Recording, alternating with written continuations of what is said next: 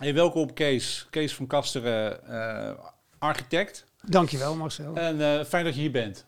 En, eh, ja, heel gezellig. We hadden elkaar sinds vorige week al lang niet meer gesproken. Dus het is leuk om weer hier te zijn. Ja, het is al heel lang geleden. Ja, Ehm, we hebben elkaar wel vaker gezien, wel een paar Ja. keer met elkaar gegeten en zo. Maar ik ken je niet super lang, maar inmiddels toch wel een jaartje of vier, vijf. Eh, sinds 2013, hè? Ja. Eh, ten tijde van de oplevering van de Rotterdam. Toen hebben we elkaar precies, kennen. Ja. precies. Daar heb jij nogal wat mee te maken Ja. gehad, op z'n zacht gezegd. Ja. Daarover meer zo meteen. Ja. Ja, Vincent Taapke. Ja, de- gezamenlijke kennis. Ja, Vriend. ontwikkelaar, Ja, moet ik het zo noemen? ja ik weet niet of eh, hij toen die rol al had. eh, maar Vincent is eh, namens eh, een van de opdrachtgevers betrokken geweest bij de Rotterdam. Ja, en zo heeft hij mij benaderd Ja. om met Stefan Maaskant, die nu programmeert is bij Rotown, om daar eh, de muzikale invulling qua DJ's in de lobby, een van de ruimtes Ja. daar van het hotel, van de Nauw, om dat eh, te vullen. En toen was er een opening en toen, toen zijn we elkaar voorgesteld. Ja, Vincent, inderdaad. ja. En toen vertelde hij eh, ja, wie hij was. En ik vond het eh, echt zeer boeiend. En we hadden een klein beetje een overlappende nou ja, voorkeur voor bepaalde muziek. Ik herinner Ja. mij nog LCD Sound System. Ja, ja, ja, Eh, precies. Dat was het, ja. Ja, En later bleek ook eh, koffie. koffie ook, ja. Wij, ehm, ja, want je bent, ehm, ehm, we gaan zo meteen uitgebreid, eh, even nog, ja, of niet even.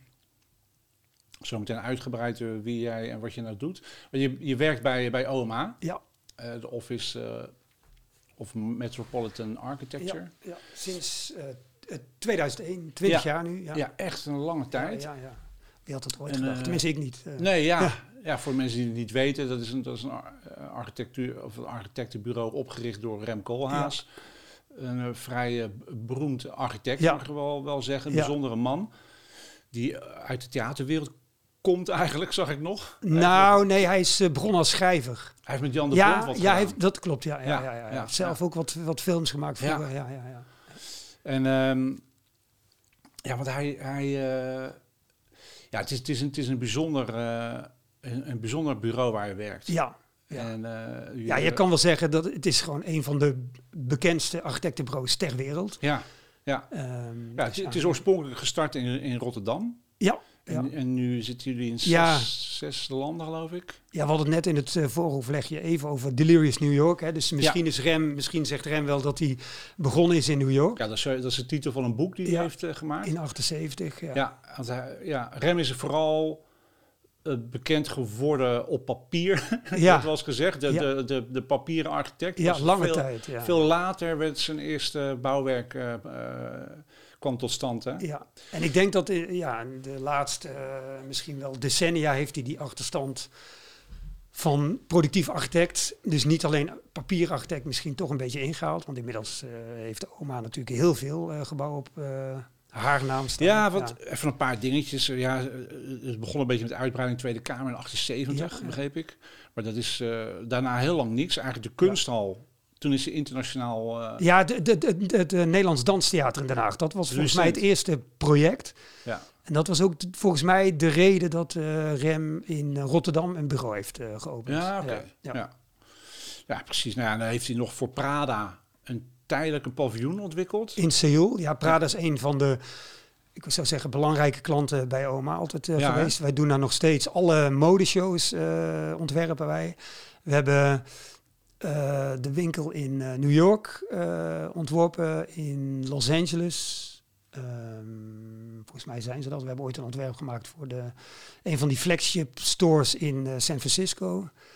We hebben voor Prada een museum gebouwd, niet lang geleden, een paar jaar geleden in, in, in Milaan voor de, voor de collectie van Miucci Prada. Dus Prada is een goede klant en toevallig heb ik een keer gewerkt aan een tijdelijk paviljoen in Seoul Ja, voor precies. Prada. Ja, Het, het Prada Transformer. ja klopt. Ja, dat is geweldig. Wat een, Ja. wat een waanzinnig ding. Het Ja. is, heeft, een- ik vind die naam altijd heel heftig. Ja, Een cirkel, hexagonaal. ja een, een, Een een, te- een kruis. Eh, jeetje, lang geleden. Eh, hoeveel plattegronden zit er ook weer op? Volgens mij vijf. En eh, voor vijf eh, verschillende eh, programma's. Ja, je kon vier identiteiten kon die aanhalen. Ik heb het nog even Oh, gecheckt. ik dacht vijf, maar goed, het is alweer lang geleden. ja, vier las ik. Oké. En, dan, en, daarmee, do- en door ze te kantelen, Ja, Middels je- torenkranen. Ja, Ja. had je dus... eh, Iedere voor- keer een ander programma. Dus ja, een modeshow. iedere keer een en- andere en, identiteit aan. ja. Echt, echt fantastisch. Ja. En, maar ja, dat ding dat is eventjes...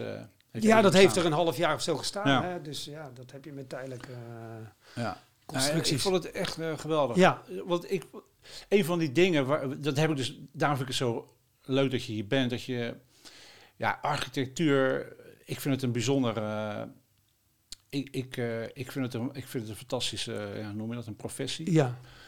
Ehm, ik, ik ben, ben een werktuigbekundig ingenieur eigenlijk, van, van origine. En, ik, en ik, ik, ik wist niet beter, maar ik had eigenlijk bouwkunde moeten studeren, bedenk ik me altijd. Achteraf. Gewoon omdat het ook, het is die combinatie van, van, van, van heel technisch en heel creatief. Ja, Dat, dat hoeft ja. niet altijd, als je naar veel bouwwerken kijkt, zit, zit er weinig creatiefs aan. Maar zoals jullie het benaderen en zoals eh, oma dat doet, dat, dat, dat, dat opent wel deuren. Je. Je krijgt gewoon een hele andere kijk op. eh, je, je, kijkt gewoon, je kijkt op andere, andere manieren naar het een en ander. En, en, en architectuur bewerkstelligt dat gewoon. Als Ja. je door een gebouw loopt, wat gewoon echt uniek is. Ja, dat, dat opent gewoon op allerlei eh, fronten opent dat deuren gewoon. Dat, het, het leert je op andere manieren naar dingen kijken. Dat heb ik heel erg met architectuur. En ehm, dus, dus al die huizen, of al die gebouwen die jullie hebben ontworpen. Hè, en nog maar een paar, weer bijvoorbeeld het CCT CCTV-gebouw in, Ja. eh, in Beijing. Nog, nog wel meer eh, fantastische dingen natuurlijk. Wat heb jij, heb je die gebouwen ook bezocht? Heb je veel... Ik heb in de tussentijd veel gebouwen van oma bezocht. eh, natuurlijk vanuit mijn werk. Ehm, dus er zijn ook genoeg gebouwen die ik nog niet heb gezien. Ehm, maar ik heb er uiteraard dus eh, wel veel gezien. Haal je inspiratie uit een gebouw? Hoe, hoe ben je, Ja. laat ik zo zeggen, je bent, je bent, je bent architect. Dat, dit, dat, begint ergens. Ja, ja. Eh, omdat, ja, hoe, hoe, hoe, hoe begint dat? Ben je getriggerd door architectuur of door een architect of door iets? Of wist je niet beter? Toen, Hoe- ik, hoe eh, toen ik begon, ja, dat is een goede vraag. Ik heb ehm, twee keer toelatingsexamen gedaan eh, aan de Academie voor Industriële Vormgeving in Eindhoven. Want ik wilde eigenlijk altijd eh, interieurontwerper eh, worden. Ja. Ik ben twee keer afgewezen. En na de eerste keer ben ik, toen heb ik een vriend van mij gebeld. Zeg, joh, ik, ik wil me aanmelden op de HTS in Den Bosch. En kan ik daar de architectuurkant op? En toen zeiden van, nou, we hebben hier afdeling bouwkunde. Ik zei, nou, dat lijkt me een goede stap. Dus ik ben bouwkunde gaan doen. Ehm, een jaar later ben ik voor de tweede keer afgewezen op eh, de Academie Industriële Vormgeving. Ik heb mijn bouwkunde studie afgerond. Ik ben na de HTS naar de TU gegaan. En eh, ja, zo heb ik mijn eh architectentitel eh, gehaald. Dus architect, architect, architectuur was eigenlijk mijn tweede keuze. Ja. Ik, toen ik op de kleuterschool zat, kon ik al eh, behoorlijk goed tekenen. En ik, ik tekende heel veel naar stripfiguren. En op de kleuterschool werd eigenlijk al gezegd... Oh, Kees, je kan goed tekenen, je moet later architect worden. Maar ik wilde striptekenaar worden. Ik wilde helemaal geen architect Ja. worden. Ja, dat is, eh, ja, weet ik veel. Dat, eh, dat boeit niet als je heel eh, jong bent, weet je wel. Dus, Wat grappig. ja. En, ehm, en, en, en dus, dus, dus je bent het eigenlijk gewoon, dus gewoon gaan doen. Je bent gewoon Ja. gesolliciteerd. Want hoe ben je dan bij oma terechtgekomen? Ik denk dat Nou- iedereen, iedere architect wil daar werken. Ja, nou, Is ik, heb, eh, ik ben op een gegeven moment afgestudeerd in, in Eindhoven. Tijdens mijn afstuderen had ik al een, een eh, bijbaan eh, bij een lokale architect. Ik woonde destijds in Os. Eh, gewoon omdat ik ja, mijn studiefinanciering was eh, opgehouden en ik moest er toch wat bij verdienen. Dus ik heb twee jaar, ik heb, ik heb lang over het afstuderen gedaan. Twee jaar in deeltijd gewerkt bij een architectenbureautje. Nou, dan, dan zie je al zeg maar de, de, de praktijk. Hè. Kijk, je op school of tijdens eh, je studie, dan ben je met allemaal hele idealistische, mooie ontwerpen bezig. Ik ben afgestudeerd met een muziekinstituut, omdat muziek mij eh, mateloos eh, boeide. Ja, ik heb tijdens afstuderen dan gewerkt bij die lokale, of bij- dat bureau vlakbij in de buurt. En toen ik klaar was, toen ben ik bij een bouwadviesbureau terechtgekomen. Nou, dat was voor mij de ultieme confrontatie met de praktijk. Hè. Dus tijdens je studie, wat ik net al zei, dan ben je alleen maar met mooie dingen bezig. Nou, dan ga je op een gegeven moment werk zoeken, is weinig werk. Kom je bij een bouwadviesbureau. Nou ja, Niks kan. niks kan en, en, en eh, je, kan, ja, je kan ook geen mooie dingen maken. Dus toen heb ik, en dat is eigenlijk eh, een beetje toeval, maar toen heb ik eigenlijk al in het begin gezegd, ik moet hier niet langer dan twee jaar blijven, want anders verlies ik echt de connectie met datgene wat ik leuk vind. Hè. En, en dit was een bouwadviesbureau, het was nog niet eens een architectenbureau. Nou, ik heb volgens mij tot op de dag nauwkeurig heb ik daar twee jaar gewerkt.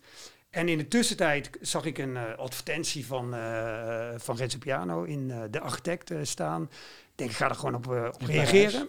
In Parijs. En dat was toen voor een project in Nederland, maar dat, dat, dat was nog niet bekend bij mij welk project het was. Dat bleek achteraf de KPN-toren te zijn. Dus ik heb gesolliciteerd. Ik denk, nou ja, als ik afgewezen word, dan, dan, dan heb ik in ieder geval al een mooie afwijzingsbrief van, van Renzo Piano. Nou, ik, ik werd geselecteerd en toen ging het allemaal heel snel. Toen had ik mijn eerste interview in, uh, in uh, hier op de Wilhelminapier. In, uh, dat was in Café Rotterdam. En volgens mij zat ik een halve week later in Parijs. En ja, toen heb ik meteen ja gezegd. dus ik ben in Parijs begonnen. Wat bij de Renzo Piano Building Workshop. Ja. Zo heet dat bureau. Ja, zo heet het bureau. Wat een naam. Ja, ja het is een mooi, mooie naam. Um, nou ja, het zijn twee architecten, toch? Renzo Piano? Nee, nee, nee je, je, hebt Renzo Piano als architect. En nou ja, wat ik wel, wel aardig vind, ik heb dus uh, drie, bijna drie jaar voor Renzo Piano Building Workshop, voor Renzo Piano gewerkt. En ik heb nu al twintig jaar voor OMA gewerkt. En Renzo, dat is een zoon van een, van een aannemer. Dus echt een... En misschien dat, van, dat daar die naam vandaan komt, hè, Building Workshop. Uh, Renzo heeft ook altijd veel uh, gebouwd, volgens mij vanaf het begin. Nou ja, een van zijn eerste projecten was het Centre Pompidou in ja. uh, Parijs, wat ja. hij met zijn vriend Richard Rogers bouwde. Um, en Renzo, dat is ook echt een architect zoals de meeste mensen een architect in gedachten hebben. Een, een, man die op de achterkant van een sigarendoosje, hij rookt een sigaar, schetsen maakt en dat aan zijn medewerkers geeft. En nou ja dat wordt vervolgens uitgewerkt. Bij OMA is de situatie totaal anders. Uh, nou ik vertel zo hoe uh, OMA inmiddels is ontwikkeld, maar REM is OMA begonnen. Ik beschouw REM eigenlijk altijd meer met een, uh, met een voetbaltrainer die langs de kant van, de, van, van het veld staat. teams beginnen met een opdracht. Ja, doen onderzoek. Hè, wat wordt gevraagd en hoe groot is de opdracht enzovoort enzovoort. En uh, nou ja, doen het soort van research, leggen dat voor aan Rem en Rem geeft daar sturing aan. Eigenlijk precies hetzelfde wat een voetbaltrainer ook doet, weet je wel. Terwijl hoe, komt het hoe komt dan het, uit, het uiteindelijke ontwerp tot stand dan? Ja, dat is toch een constante interactie tussen collega's. Ja. Meer nog dan wat, wat ik dus in Parijs heb ervaren. Een architect die precies bepaalt. Ja, precies. Ik herinner mij, ik heb uh, gewerkt aan een uh, museum voor uh, Gianni Agnelli in Turijn. En een van de eerste gesprekken die wij hadden met, met Renzo. Toen was Renzo eigenlijk al de, de, de las details en, en details van de bouten aan het uitschetsen. Weet je wel, nou ja, dat zou Rem ja. eigenlijk nooit doen. Nee. Dus, ja. nee. We zijn met z'n allen architect. Ja. We hebben ook geen bouwkundig technici uh, rondlopen. Details maken, dat doen we zelf. Dat, uh, we zijn daar niet altijd even goed in. soms denk ik wel eens dat het juist goed zou zijn om een, voor bepaalde uitwerkingen een bouwtechnisch kantoor te vragen. Dat doen we trouwens wel vaak in latere fasen. Dus wij, wij zijn allemaal collega's van elkaar. We zijn met z'n allen architecten. Wij beginnen heel vaak uh, gewoon een project uh, uh, met, met een team van architecten. En dat, kunnen, dat zijn dan stagiaires, dat zijn juniors, dat zijn architecten. Oh ja, iedereen wordt in alle lagen erbij betrokken. Ja, ja. en iedereen, mooi. en dat, dat, is echt, ja, wat dat betreft mooi binnen OMA. Iedereen heeft evenveel te zeggen. Dus een stagiaire kan, wij spreken evenveel input geven aan een project als een uh, senior architect. Ja, weet je wel? Een democratisch verloop, uh, ja, verlopend proces. Ja, maar, gewoon, het, het, het, er wordt constant over uh, gesproken, bediscussieerd en iedereen gooit bij wijze van spreken ideeën op tafel. Nou, die worden gefilterd door een team. Heel vaak, en ja, ik moet zeggen, dit is, vind ik, de manier zoals REM uh, werkt. En inmiddels zijn we met een bureau uh, van negen partners. In, in totaliteit, REM is een van de negen partners. Tegenwoordig heeft iedere partner zijn eigen uh, projecten. Een paar jaar geleden toen ik bij OMA begon, was REM gewoon bij ieder project betrokken. Dat is niet meer het geval. Maar het werken met REM, dat, dat ging inderdaad meestal zo. Je begint met een team. Dan, dan, dan, dan maak je een soort van research. Hè, van nou ja, wat, wat ligt er? Hè, welk, welk welke vraagstelling uh, ligt er op tafel uh, van een opdrachtgever of, of uh, van een competitie, et cetera. Nou, dat, dat, dat, wordt, dat wordt heel goed, ehm, nou ja, in beeld eh, gebracht. Hè. Daar worden heel vaak eh, mooie presentaties eh, van gemaakt. Nou, dan, dan komt Rem aan tafel. Dan, dan gaan we met Rem door de hele opdracht heen. En ja, vervolgens begint de sturing van Rem. Weet je, die, die op een gegeven moment zegt nou, ik vind dit belangrijk. Of, eh, dus dat, dat is een beetje de manier zoals Rem eh, werkt.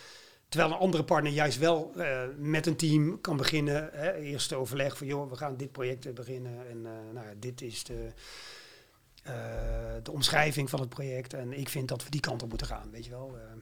Dus nou ja, wat dat betreft is iedere partner weer anders. Ja, ja, Ja. ja, ja, ja, ja. Dus, dus ja, ja, precies. Ja, dus Ja. je zou bijna kunnen stellen, tenminste in iedereen die ik tot nu toe heb meegemaakt, dat je hebt aan de ene kant van het spectrum Renzo Piano als de traditionele architect, hè, met eh schetsen al- op een architect, of eh, schetsen op een, eh, de achterkant van een, van een sigarendoosje. En aan de andere kant heb je Rem, die ja, gewoon echt wel de teams de vrijheid geeft en vervolgens eh, stuurt eh, het project in de goede richting. Ja. Ja. De voetbaltrainer, zoals je Ja, in het begin ja. eh, schetste. Ja, ik, ik beschouw dat bijna als twee uitersten in, in nou ja, eh, bekende architecten, want beide zijn eh, bekend architect. Ik weet ook niet of ze echt heel goed met elkaar door één deur zouden kunnen. Maar wel leuk om, om beide architecten van dichtbij te hebben Ja. kunnen meemaken. Want hoe, hoe ga je... Kijk, want jij... ehm, nou, je hebt een lange staat van dienst bij, eh, bij oma. En, en misschien jouw... Ik weet niet of je dat kan zeggen, maar jouw paradepaadje is misschien wel door Rotterdam. Ja, nog steeds wel. Ja, Ja, ja, ja. Dat, dat is nou, het grootste gebouw in Nederland nog Ja. steeds. 162.000 vierkante meter. Vloeroppervlak, dus niet het hoogste. Hè? Dat denken mensen steeds, hè? dat het eh, grootste gebouw ook het hoogste gebouw is. Maar qua oppervlakte het grootste gebouw. Ja, Ik, inderdaad niet het hoogste. Twee, ehm, van 2007 tot 2013 ben je daarbij betrokken Nee, geweest? ik ben in 2001 ben ik aangenomen bij oma om aan de Rotterdam eh, te werken. Toen heb ik een half jaar aan de Rotterdam eh, gewerkt. Nou, waarom ik het nog steeds het meeste met de Rotterdam heb, is dat eh, de Rotterdam natuurlijk een lange geschiedenis. En ik ben bij OMA begonnen toen. Want het, werd eerst, het ging eigenlijk helemaal niet door, Nou, toch? ja, kijk, het is in 97 officieel begonnen, eind 97. Hè, dat was een beetje de internet hype. The sky is the limit. Eh, dus in 97 eh, hebben wij die opdracht gekregen. Nou ja, voordat dat gebouw eh, een beetje uitkristalliseert, nou, gaan er, gaat er best wel een tijd overheen. Ik ben in 2001 bij OMA begonnen. Toen was dat project in, wij noemden dat 25% voorlopig ontwerpfase. Dus dat was echt nog in de beginfase van het voorlopig ontwerp. Volgens mij ben ik in maart bij OMA begonnen. Eh 2001 was natuurlijk het jaar van 11 september. Dus wij hebben in 2001 aan de Rotterdam gewerkt. Eh, de verticale stad. Hè. Nou, wij hebben destijds eh, het World Trade Center in New York eh, heel vaak als, als referentie eh, gebruikt. eh, omdat we die gevel, die, die generieke gevel van het World Trade Center heel erg eh, interessant eh, vonden. Nou, op een gegeven moment hadden we eh, nou de, de 11 september. En een maand later kregen wij van de opdrachtgever te horen dat het project eh on hold eh, moest eh, tot eh, nader order. En vervolgens heeft het eh, tot eh, medio 2007 stilgelegen. Nou, vanaf 2007 zijn wij verder gegaan met het project alsof er niks gebeurd was. En uiteindelijk tot 2009 aan het ontwerp gewerkt. Vanaf 2009 is het gebouw, of is het gebouw, is de bouw gestart. En tot eind 2013. En ja, dat is een beetje de, de tijdsbestek eh, van de Rotterdam. En ja, wat mij gewoon mateloos eh, interesseert, of wat ik nog steeds interessant vind, ik heb gewoon dat project, ja, wat, wat inderdaad eh, een behoorlijk groot eh, project is, meegemaakt van eigenlijk het prille begin Ja. tot echt de, de laatste schroef. Ja, En ook die hele bouwfase heb ik gewoon in voltijd eh ja. eh, meegemaakt. En, Ja. en ja, dan, dan gaat een projectje echt wel... eh, ja en jij, hebt, jij, jij was, de- hoe noem je dat, de hoofdarchitect? Ja, projectarchitect. Projectarchitect, Ja, ja. ja, Ja. En ehm, ja, het is een, het is een, het is een, jij vertelde erover hoe het, ja, het is gewoon een enorm kolos. Het is Ja. een meg megalomaan op een positieve manier. Het bestaat eigenlijk uit, uit zes blokken, hè? Ja, Drie ja, torens, ja, ja, met twee blokken per toren. Zo moet je het een beetje zien. Die zijn enigszins met elkaar verbonden. Ja, Eh, nou, mensen kennen, kennen het gebouw vast. Eh, Ja. Als je het nu niet weet, eh, zoek het even op. Ja, Rotterdam, naast de Erasmusbrug, Naast de Erasmusbrug, je kan er niet omheen. nee. En, ehm, en daar, daar huisvest nu de, de, de- eigenlijk vanaf het begin al één toren, dat is woon. Ja. Eentje is, wordt nu gebruikt door de gemeente. Ja. En één is deels hotel, de, Ja. de Nauw. En daarboven weet Zit ik- eh, kantoren. ook kantoor. Ja, dat is dan, dat is dan ehm, ehm, hoe heet dat, gemengd. Hè? Daar zitten verschillende bedrijven op Ja. één of soms... het is de, volgens mij de mediamarkt op vijf lagen. Maar Ja. daar zitten meerdere bedrijven in. En de middentoren zit, eh, die wordt alleen door de gemeente Ja. eh, gebruikt. Ja. Ja, je vertelde, want over, over de, de- het hele, het eventjes technisch, het constructieve ding. Ja, het, het, eh, het kolos moet ergens op staan. Ja, En je, precies. En je vertelde, eh er gaan heipalen de grond in. Ja, Ja, ik als 1200 heipalen. leek- Ja, 1200 heipalen. Die gaan door een laag grond en dan kom je weer in water. Of, Nee, of, nee, of nee. je vertelde dat een Ja. soort drijvend, een Ja. soort drijvend. maar Vertel eens hoe, hoe waar Ja. het op rust, want dat, ik vond het wel, ik vond het wel. eh, Ja, wat, wat- fascinerend is, ik, is ik dat... wil niet schrikken, maar ik vond het, ik vond het vrij bijzonder. Ja, wat, wat eh, fascinerend is, is dat het grootste gebouw van Nederland zo'n beetje op de slechtste grond van Nederland eh, staat. En daar moet je wat mee. Dus de Rotterdam staat met zijn hele gewicht eh, rust op eh, 1200 palen. Die palen zijn eh, eh, ongeveer 20 meter eh, diep. Eh, d- dat gebouw staat dus feitelijk op een zandlaag eh, die zich eh, op 20 meter diep onder eh, straatniveau eh, bevindt. Die zandlaag zelf is ook nog behoorlijk dun. Dat is een laag van gemiddeld 15 meter eh, diep. En onder die zandlaag eh, zit weer alleen maar klei en, en weet ik veel troep.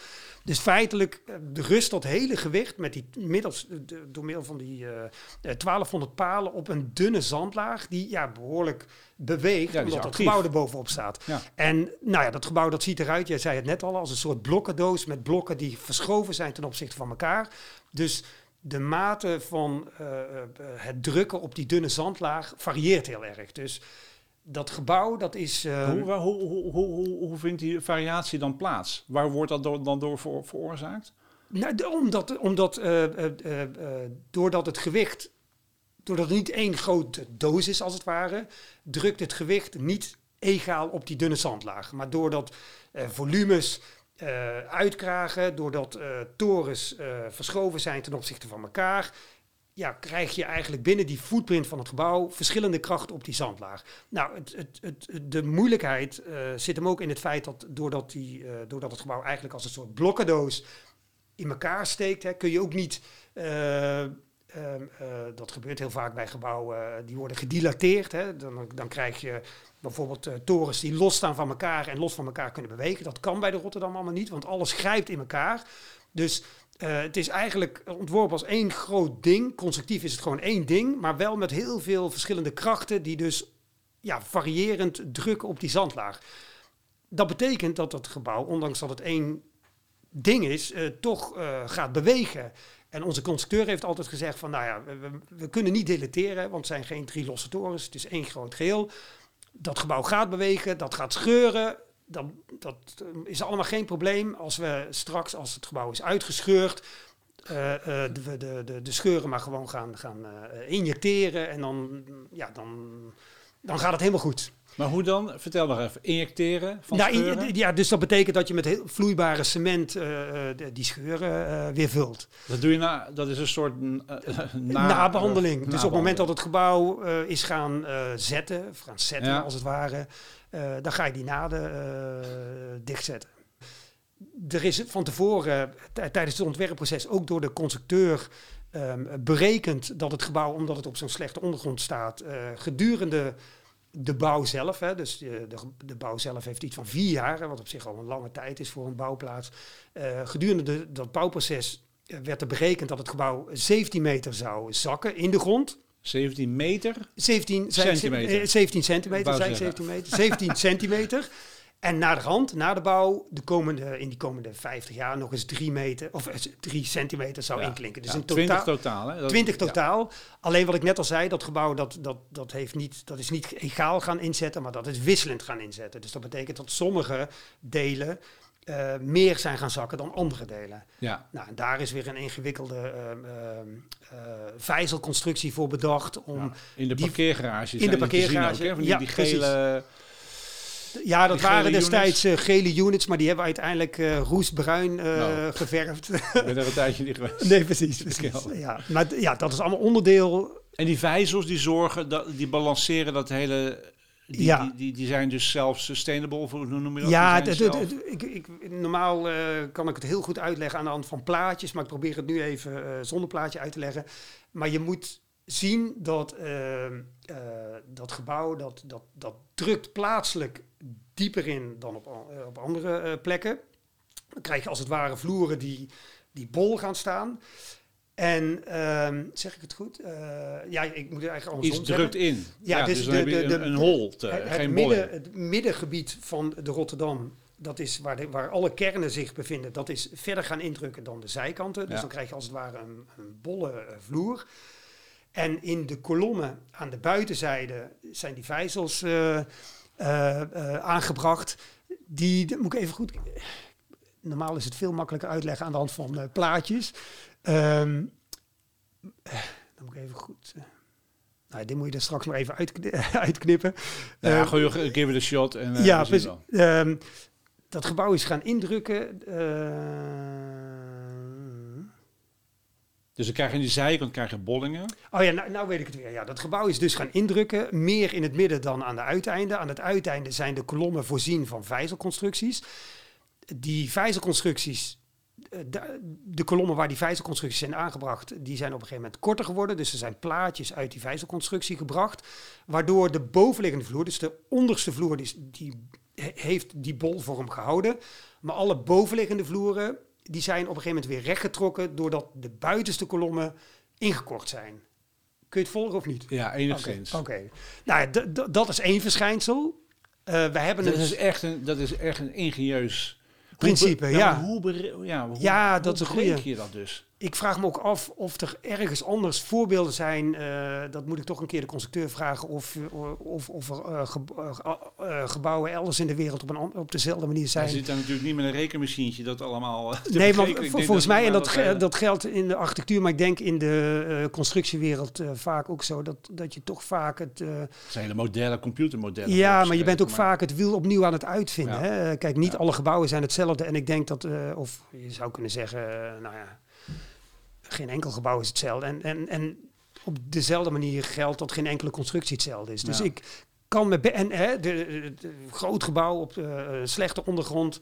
Dat vraagt om een benadering die wellicht eh, nieuw was. Eh, ik zou dat moeten navragen. Ik kan me dat best voorstellen dat het nog nooit is, toen nooit was toegepast. Ja. Ja.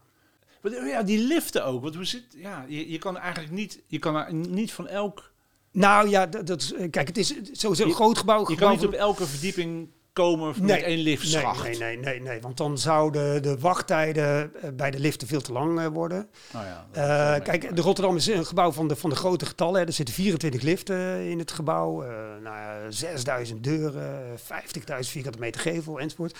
Maar die liften, eh, je hebt bijvoorbeeld in de, in, in de middentoren en in de oosttoren liften die alleen de onderste helft van het gebouw eh, bedienen. En je hebt liften die alleen de, de bovenste helft van het eh, gebouw eh, bedienen. Want als je alleen maar liften had die zeg maar alle verdiepingen zouden aandoen, ja, dan zou op een gegeven moment de lift vertrekken. Die zou op iedere verdieping moeten stoppen. En mensen die beneden zouden staan, die ja. zouden ja, veel te lang op de lift moeten wachten. Dus we hebben low-rise en high-rise liften Ja. in dat gebouw. Ben je geobsedeerde hoogbouw? Niet zozeer, maar de techniek, hè, wat jij ook een beetje Ja. hebt, die, die fascineert me wel. Gewoon Ja, eh, complexe gebouwen. eh, en dat hoeven niet per se hele grote gebouwen te zijn. eh, maar nou ja, ik vind überhaupt hooggebouwen, grote gebouwen wel... Ja, het is toch wel- imposant. Ja, het is imposant. Het is, maar als ik dan hoor, ik ben het even kwijt, maar die, die, die megalomane grote gebouwen, het is nu een bouw van 1,2 kilometer één, kan dat kloppen? Ja, ergens in het Midden-Oosten. Met, ja, met, ja. met contragewichten, want die gebouwen, die, ja, die, die, die, bewegen. Ja, die, bewegen door de wind. Die gaan eh, echt ja. flink eh, opzij ook. Ja, En, en dan, eh, dan heb je dus ergens bovenin, of al op een bepaalde hoogte, een contragewicht, die dan zorgt dat het dan, een beetje in balans Ja. blijft. Ja, ja, ongekend hè. maar echt eh, ongelooflijk. Ja, ja. Ik, ik, vind het, ja, ik blijf het fascinerend Ja. vinden dat het gewoon maar blijft staan. ja, het is toch. Als je nu ook weer naar die zandtoren hier kijkt, is er ook best wel een flink ding ja aan het worden. groot ding. Ja, ja, ja, ja. Ja, want als je, als je nou door, zo'n als je door een gebouw loopt, je loopt door de Rotterdam Mhm. bijvoorbeeld, wat je, waar je nogal bij betrokken bent geweest. Wat, wat doet dat met je? Heb je dan, Ja, toch wel hoe, een... hoe, hoe kijk je dan? Hoe loop je door zo'n gebouw? Ja, Dat is ook wel grappig, want ik moet eerlijk zeggen dat eh, voor mij de Rotterdam eigenlijk het eerste gebouw was waar ik echt trots op was toen het klaar was. Wat, wat, en ik weet niet of dat echt uh, persoonlijk is. Volgens mij hebben meer architecten daar last van. Maar op het moment dat een gebouw klaar is, dan, dan ben je heel erg gefocust op de dingen die niet goed zijn gegaan. Die anders zijn uh, gegaan dan wat jij zou willen. En daar, om die reden heb ik heel vaak na de oplevering van een gebouw... Uh, ja, niet echt de, de, het plezier gehad of zo van het feit dat het gebouw klaar was. Ja, maar, want omdat eigenlijk alles wat je maakt in het algemeen, of nou en kunst in het algemeen is ook, dat het is nooit af of zo. Nou, het is nooit af, maar het gaat ook eigenlijk ja, bijna altijd anders dan wat je, uh, ja. wat je had bedacht misschien. Wat is dan hier heel en, anders? Nou, kijk, en in de, in de Rotterdam, omdat het groot is, en ik zei net al, hè, de bouw, bouwtijd heeft vier jaar geduurd. Ik heb in de Rotterdam, denk ik, geleerd dat je op een gegeven moment ook dingen opzij moet kunnen zetten. Maar misschien heeft dat gewoon een tijdje nodig gehad om dat te beseffen, weet je wel. Dat je niet alles onder controle kan hebben, want er gaan gewoon dingen mis tijdens, het, uh, tijdens de bouw. Ja. En zo zijn, of überhaupt al tijdens een ontwerp, gaan dingen anders dan wat je zou willen. Of je wordt geconfronteerd met, met uh, nou ja, bijvoorbeeld dingen in de constructie die toch niet kunnen zoals jij het bedacht hebt of zo, weet je wel. Dus uh, je moet op een gegeven moment toch altijd tijdens zo'n proces sturen. Maar wat ik gewoon lastig vind is als er in de, in de bouw dingen verkeerd gaan door uh, misschien soms wel stomme fouten, weet je wel. En, ja, precies. Van waar je helemaal geen debat, debat Ja, ja. Op een gegeven moment heb ik daarmee leren omgaan, zeg maar, in, in, Ja. in de Rotterdam. Voor het eerst, denk ik. Ja, Ja. maar je, niet, je hebt niet veel concessies per se hoeven doen. Nou, kijk, als ik naar de Rotterdam kijk, dan, dan, bedoel, dan is het gewoon, ja, dan voel ik toch eh, behoorlijke trots Ja, eh, dat, dat gebouw er staat. Ja, en ik ja. moet ook zeggen, eh, het gebouw heeft heel lang geduurd. Hè. Ehm, ik heb er zelf heel lang aan gewerkt. Ik eh, woon om de hoek. Ik heb lang aan het project gewerkt vanuit kantoor. Dat ik s'avonds naar huis fietste over de Erasmusbrug. En dat ik bedacht dat er tussen de KPN-toren en de cruise terminal dat gebouw van ons moest komen. En dat zag er op dat moment al zo onwerkelijk uit dat ik me gewoon niet kon voorstellen dat dat er ooit ging komen. En uiteindelijk staat het er gewoon. Dat, dat is wel fascinerend. ja, Ja. ja. dat geloof ik heel Ja. graag. Ja. Ehm, Maar ik kan ook genieten van hele kleine, kleine gebouwen of kleine details. Ik heb in Rotterdam ook eh nou ja, me bezig gehouden met de liftknopjes in de cabine bijvoorbeeld. In de liftcabines, weet je wel. Of met meubels. ja, dat Eh, kleine beetje interieur, die, inter- Ja, die ja. interesse voor interieur, Ja, interieurarchitectuur, ja, ja. interieurdesign. Interieurarchitectuur. Laten we het maar op architectuur houden. Ja, toch? Ja, zeker. Gebaseerd, ja. Ja, ja, Ja. want het was, een, het was een vrij lang project. Ja. En daar is natuurlijk nogal het een en ander in veranderd, of aan veranderd. Ja. En wat waren nou een aantal dingen die toch wel opmerkelijk waren? Die Ja. toch wel rigor, er zijn wel rigoureuze veranderingen hebben er ook plaatsgevonden. hè? Als Ja, je het hebt ja. over, pla- over schaalvergroting bijvoorbeeld. Ja, ja. Nou, over schaalvergroting, eh, dat, dat is inderdaad een interessant eh, punt in de Rotterdam. Kijk, de Rotterdam is eh, gestart in 97. Kijk, ik zei net al, de sky was the limit. de economie was booming. In 2001 eh, eh, nou ja, eh, veranderde de wereld. Wij hebben in de tussentijd, hè, tussen 97 en 2014, volgens mij vier crisis overleefd. De eurocrisis, nou, ik weet niet hoe alle crisis heten die we hebben overleefd. En, en, en desalniettemin is dat gebouw toch gaandeweg gegroeid. En nou, wij zijn in 97 begonnen met een programma van 115.000 vierkante meter groot. En uiteindelijk, toen het gebouw definitief was, hè, definitief ontwerp, de, de definitief ontwerp plus plus. Dus hadden uiteindelijk eh, drie definitieve ontwerpen eh, afgerond. Toen was het gebouw 162.000 vierkante meter. En ik heb ooit eh, berekend wat dat nou... hè, we moesten op een gegeven moment ook tegen de opdrachtgever zeggen van... tot hier, hè, want het, de, de, de, de, de, hoe heet dat, de bouwplaats werd ook niet groter. Hè. We hadden nou eenmaal eh, de beschikbaarheid eh, van de ruimte tussen de KPN-toren en de cruise terminal. En dus op een gegeven moment dat gebouw dijde uit en de, de opdrachtgever wilde er meer en meer programma in. Op een gegeven moment gezegd, eh, tot hier en niet verder. Nou, uiteindelijk is dus het programma geëindigd bij 162.000 vierkante meter. En nou, ik heb een keer een, een, voor een van de presentaties die ik heb gehouden, een, een, een, dia gemaakt met de vergelijking tussen het eh, beginprogramma en het eindprogramma. En ik kwam erachter dat het programma uiteindelijk dus 141% is geworden van het oude programma. En als architect vind ik dat heel fascinerend, want kijk, tegenwoordig eh, werk je niet meer zoveel met papier, maar 141%, dat is voor een architect is dat gewoon het verschil tussen een A3 en een A4 papier. Een ander eh, belangrijk eh, punt, en dat, dat ja, heeft ook weer te maken met het feit dat je een lang ontwerpproces hebt gehad. Dus je hebt ook lang over je ontwerp kunnen nadenken. Ik herinner mij toen wij dus na, wat is het, zes jaar stilstand Ehm, eh, weer begonnen met het ontwerp. Dat Rem op een gegeven moment een, een, een inzicht kreeg over de gevels. In 2001 eh, zijn wij gestopt met een ontwerp. Je zei het net al, uh, kantoren, woningbouw, hotel. Ieder programma had zijn eigen typische gevel. Hè. Het was echt een soort patchwork van verschillende geveltjes. En Rem kwam op een gegeven moment rond 2007 tot de conclusie dat het gewoon echt één gevel moest zijn. Ik herinner mij de eerste keer dat wij weer naar de welstand gingen en de welstand vertelde dat we nu gewoon één grote, één generieke gevel als het ware voor dat gebouw wilden ontwerpen. Nou, toen was iedereen gechoqueerd, hè, want het gebouw was al groot en het werd door die ene gevel nog groter. Ja. En ik denk dat dat uiteindelijk toch wel een van de gewoon echt hele goede keuzes is geweest. Want kijk, en dat zei Rem op een gegeven moment ook, van je bent met een heel groot gebouw bezig. Het, het laatste wat je wil is zo'n groot gebouw, uh, totaal modieus ontwerpen, wat er bij wijze van spreken na een jaar of vijf al totaal achterhaald uitziet. Dus wat wij gedaan hebben, vind ik, is gewoon echt een, toch een soort tijdloos gebouw neergezet het andere wat ik heel gaaf vind aan het uh, ja, gevelontwerp. Want in het, oh ja, ja sorry, nee, ja, het gevelontwerp. Nee, nou, het gevelontwerp, wat ik, wat ik mooi vind aan het uh, huidige gevelontwerp is ook dat het een hele uniforme gevel heeft voor al die verschillende uh, programma's. en dat je vooral s'avonds, als de lichten aan zijn, dat, dat, dat zeg maar het, de, de, de uitstraling van het gebouw bepaald wordt door het gebruik aan de binnenzijde, weet je wel. Dus het is veel dynamischer dan dat je allemaal verschillende geveltjes had bedacht.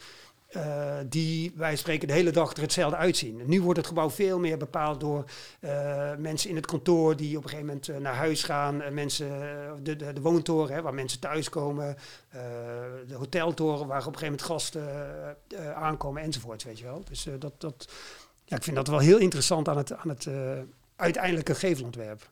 Ja, het, het is, het, is, het, is, uh, ja, het, zijn, het zijn eigenlijk verticale lijnen, om het even heel grof. En, dan, en door die blokken wordt dat, wordt dat echt ja, heel mooi, mooi verdeeld. Het is een beetje, het World Trade Center heeft natuurlijk ook een beetje diezelfde. Precies. Had en eigenlijk ook die, die lijnen, zeg maar. Wat ook twee enorme torens waren ja, natuurlijk. Ja. Kijk, je, je kunt je voorstellen dat na uh, eh, 2001 het al behoorlijk, uh, nou ja, bijna omstreden was om, om die torens als, uh, als uh, referentie te gebruiken. Ja, weet je wel? Ja, dus dat lag wel een beetje gevoelig. Ja, ik snap het. Ja. Je bent architect. Ja. Je bent, uh, maar ontwerp je ook veel? Ben je, ben je, ja, zeker. Kijk, wat ik net als... Het, laat ik zo zeggen, is het, ben je... ja, om, om, nog maar eventjes met een rem koolhaas in je nek. Ja, zo ja. Te zien, weet je, is dat... Heb je, nou, heb, je, heb je het idee dat je altijd op een soort tweede plaats zit of zo? Zou je niet ook een keer. De, het, ik, ik, ik moest eventjes aan denken dat het een soort, soort marathonschaatsen ja, is. Ja, ja. Weet je wel, Evert van Bentum, ik weet niet mensen die nog kennen, die, die heeft twee jaar achtereen de Elfstedentocht gewonnen. Ik geloof dat het twee jaar achterin was. Ja. De, de nummer één. Wie de nummer twee was, ze kwamen bijna tegelijk over de finish. En niemand die dat weet. Zo moet ik ook een beetje... De eerste keer wel, hè? Dat was Erik Hulsebos, toch? Dat weet ik dus niet. Oké, oké. maar goed. Maar dat is op een gegeven moment een beetje een uh, mediafruur geworden, ja, toch? Uh, ja. Maar goed, ik snap maar, helemaal wat je bedoelt. Ja, want er wordt altijd rem wordt altijd genoemd, terwijl het, wat, je, wat je dus... Daar, hoe ga je daarmee om? Hoe, hoe, hoe, hoe, ja, hoe, nou, er zijn denk ik heel veel architecten die daar wel uh, moeite mee hebben. Kijk, ten eerste, ik heb een hele grote fascinatie voor uh, Rems en gedachtegoed. Ik vind wat dat betreft, ja, nou, dat mag ik best zeggen. Uh, ik, ik, werk tenslotte voor. Ik vind Rem op dit moment gewoon de grootste architect ter wereld. Dus het is gewoon al een nou ja, voorrecht om voor, uh, voor oma te werken. Zo zie ik het tenminste. Inmiddels, hoe, hoe, bepaalt dat dan? Als je daar nog iets over kan zeggen. Ja. Weet je, waarom vind je dat?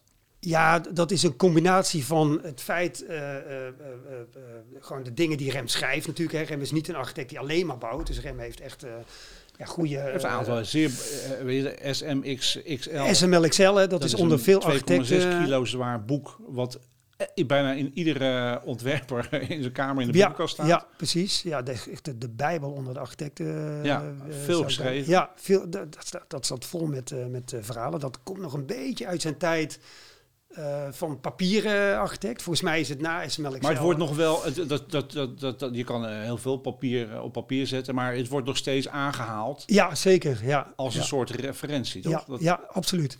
Ja, en wat ik, wat, ja, wat, ik ook wel, en dat is ook wel een mooi verschil tussen eh, de bureaus waar ik gewerkt heb, hè, zowel bij, bij- voor Renzo Piano als Oma. Bij Renzo Piano had je heel erg gewoon een taal. Dat was de taal van Renzo. Hè. En ik, ik herinner mij wel eens, eh, dat was ook voor dat eh, museum voor, eh, Gianni Agnelli in Turijn. Daar heb ik wel eens ooit een voorstel gemaakt. Hè. Ik, ik weet niet meer wat de aanleiding daarvoor was. Toen had ik een voorstel gemaakt en dat zag er gewoon niet des Renzo Piano Building Workshop uit. En dan wordt het meteen, eh, eh, eh, nou ja, bij wijze van spreken, in de prullenbak gegooid. Terwijl bij OMA herinner ik mij de situatie ook alweer een paar jaar geleden. Maar toen hebben we ooit een keer een voorstel gemaakt eh, van een ja, concept wat we alles gebruikt hadden. En toen werd er bij OMA gezegd van nee, dat moeten we nu niet meer doen, want dat hebben we alles gebruikt, weet je wel. Dus de benadering is totaal anders. Een, een, een taal gewoon heel erg eh, strikt in de taal of in het handschrift van eh Renzo Piano versus het constant doorontwikkelen van de architectuur bij OMA. Ja. En nou ja, dat is een van de dingen die natuurlijk eh, voor mij heel erg interessant zijn. Eh, van de andere kant zijn natuurlijk de, de, de projecten, maar dat was bij Renzo Piano niet anders. Gewoon het type projecten wat gewoon echt eh, onwijs interessant is. Ehm, ik weet niet of het echt een, een antwoord was op jouw vraag, maar Nou ja, gewoon, we- we- we- volgens mij heb je het wel aardig. aardig. Nou, gewoon jouw fascinatie voor Rem. Gewoon of ja, fascinatie, eigenlijk de uitleg waarom hij de grootste architect op dit moment ter wereld is. Ja. Ja, dat klinkt tegelijkertijd klinkt het ook een beetje blasé, denk ik. Hè? Want we zijn ook al ver eh, voorbij de tijd van eh, de superstars. Hè? Eh, architecten waren bijna een soort van popsterren. Sommige van, hè, van de generatie van Rem zijn dat nog wel. Maar ik merk wel dat de nieuwe generatie architecten daar wel, wel anders tegenover staat. Dus, dus ik moet daar ook een beetje mee oppassen om daar, nou ja, ja, we zitten wel in een, een nieuwe tijd, laat ik het zo Ja, zeggen. Ja, ja, ja, ja. Ra- Raak je geïnspireerd door, door, door, door bepaalde andere architecten naast, naast Rem? Ja, god, het- dat zijn een beetje de, de ik zou bijna zeggen, de Clichés. geëikte, de clichés, hè, de, de, de Mies van der Rohe, Le Corbusier, eh, Aalto, gewoon de echte eh, klassiekers. eh. Ik zit even te denken, wat, wat een echt een goede heden. Als Zaha Hadid bijvoorbeeld, die bij OMA heeft gewerkt. Tot, Ja, 79, ja. tot 79 natuurlijk. Ja. eh. Inmiddels is Sarah Diet alweer een paar jaar geleden overleden. Eh, Ja. Ik moet zeggen, haar architectuur vind ik net even wat te wulps. ja. Dat heb ik ook met... een eh, en al rondingen. Ja, precies, Ja, precies. ik Daar heb ik, wat- fantastisch. ja, ja, ja, nou ja, het heel persoonlijk. Ja. Ja, ja. Eh, Som echt wel hoe, hoe, hoe, hoe je, nou, gewoon hoe, je, hoe, hoe de constructief dus altijd uitziet door die rondingen. Ja, ik heb het idee dat daar ook wel heel veel esthetiek eh, eh, Ja. en een, bijna een beetje vormwil bij komt kijken. Ja, Maar ik moet zeggen, eh, ik vind haar, maar dat is een van haar, bijna, ik denk een van haar eerste projecten. Dat was een, een brandweerkazerne op het Vitra-terrein in, in Weil am Rijn in Duitsland. Ja, dat was echt, en ook in die tijd, dat was ik echt laaiend enthousiast. over. Ja, ja. Want als je nu kijkt naar het OPA-gebouw in eh, Shenzhen, geloof ik, in China. Dat moet in 2025 komen. Is dat van haar- Zaha Hadid? Ja, ik, kan, ik volg Ja. het niet meer zo goed. Maar, maar Ja. wat ik zeg, hè, ze is inmiddels een paar jaar geleden overleden. Amor, een soort amorf. Ja, precies. Nou, ik vind dat allemaal net even wat eh, Ja. te- ja, bijna te willekeurig of net iets te veel vorm wil, zeg maar. Ja. En Het is wel, eh, het is fascinerend, hè? En het is ook wel, ja, eh, indrukwekkend of zo, maar het is ja. niet, niet Ik vind ding. dingen met vorm wel echt... Ja, Zoals John Loudner. weet Ja. Die, eh, ja, prachtig. Ja. die in, in Hollywood natuurlijk, ja, gewoon Ja. filmsets zijn het. Of het Ja, zijn, en ja. het zijn gewoon waanzinnige huizen. Ja, ja, ja. waar heel ja, veel films in, ja. eh, in, in, in, in, zijn opgenomen. Ja. Ja. John Loudner, echt geweldig. Die Ja. In eh, het Elrod House ook, in Palm Springs. ja, geweldig. Waanzinnig. Ja, Je, je vertelde onlangs dat je bent verhuisd. ja. Je hebt een, eh, of jullie hebben een hele mooie, eh, mooie woning eh, ge- ge- gevonden. net buiten Rotterdam. Net buiten Rotterdam, een vrijstaande villa eigenlijk. Nou, Een bungalow, kleine bungalow, ja. bungalowtje, Ja. twee persoon ja, bungalowtje. ja, maar heel mooi. Ja, ja. En, ehm, en die hebben jullie heel naar lang, lang naar gezocht. Had jij, zou je dan, je bent architect, zou je niet zelf je eigen huis dan willen Ja. bouwen? Hoe werkt dat dan? Kan je dan in, in, in, in een andere woning wonen? Ja. Hoe, hoe, hoe, hoe kijk je daar dan naar? ja. Nou, ik heb lange tijd echt tegen... Kan, kan je vakje in de weg zitten? Dat, je- dat denk ik, ja. Dat heeft me altijd, eh, eh, zeg maar, weerhouden van eh, het ontwerpen van je eigen woning. Ja, jij zei net al, Marjan en ik, nou, we kennen elkaar natuurlijk goed. Um, uh, en ik zijn lange tijd op zoek geweest naar een nieuwe woning. Wij wonen, nou, we zijn in 2001 op de Kop van Zuid uh, komen wonen in een, uh, nou, een redelijk klein appartementje. toen we daar kwamen wonen, toen kenden we elkaar vier jaar. En in die vier tijd waren we vier keer verhuisd. Dus wij leefden min of meer uit verhuisdozen. En we dachten, joh, we gaan naar Rotterdam en als het niet bevalt, dan zijn we ook zo weer weg. Nou, inmiddels wonen we daar hebben daar twintig jaar gewoond. Echt, ik heb nooit ergens langer gewoond dan in dit appartementje. Maar op een of andere manier was het, uh, nou ja, gemakkelijk, lekker dicht bij de stad. En uh, nou ja, we zijn met z'n tweeën, dus we hebben nooit echt uh, behoefte gehad aan veel meer ruimte. Op een gegeven moment begint het begint wel te kriebelen als je ergens lange tijd woont. Dus ik denk een jaar of tien geleden zijn we op zoek gegaan naar, naar een woning. In het begin wilden we gewoon het centrum wat verder in. Tegelijkertijd dat weet je ook, uh, Marcel, heb ik een, een auto-hobby. Ik heb een oude uh, oldtimer en daar wil, die wilde ik graag in een garage zetten. Het, uh, van de andere kant. Wat was je nou, Porsche? Porsche 911, ja, ja. ja in 92. Ja. Ja, Nou, daar wilde ik graag een garage voor. Tegelijkertijd wilde ik ook graag een tuintje. Nou, dat is in Rotterdam gewoon niet te doen. Toch altijd naar op zoek geweest, want de stad uit was echt nog een brug te ver. Um, gaandeweg en volgens mij was dat zelfs voor corona zelfs, hebben we toch op een gegeven moment een keer de behoefte gekregen om misschien wel de stad uit te gaan. En in de tussentijd ook eigenlijk de conclusie getrokken van ja, we zijn nu zo lang op zoek, misschien moeten we wel onze eigen woning ontwerpen. In de tussentijd ook eh, eh, ge geconcludeerd dat een bungalow voor ons twee eigenlijk wel de, de ideale typologie uh, zou zijn. alle woningen die wij in het centrum van Rotterdam bezochten, dat waren woningen met acht kamers, weet je wel, voor twee personen. Dat, dat werkte gewoon niet. Uh, en ja, onlangs hebben we een prachtige woning uh, in, in Roon, notabene. Dus daar heb ik wel even aan moeten wennen. Want uh, ja, het wordt nu wel heel concreet de stad uit. van, van Wim Quist gevonden.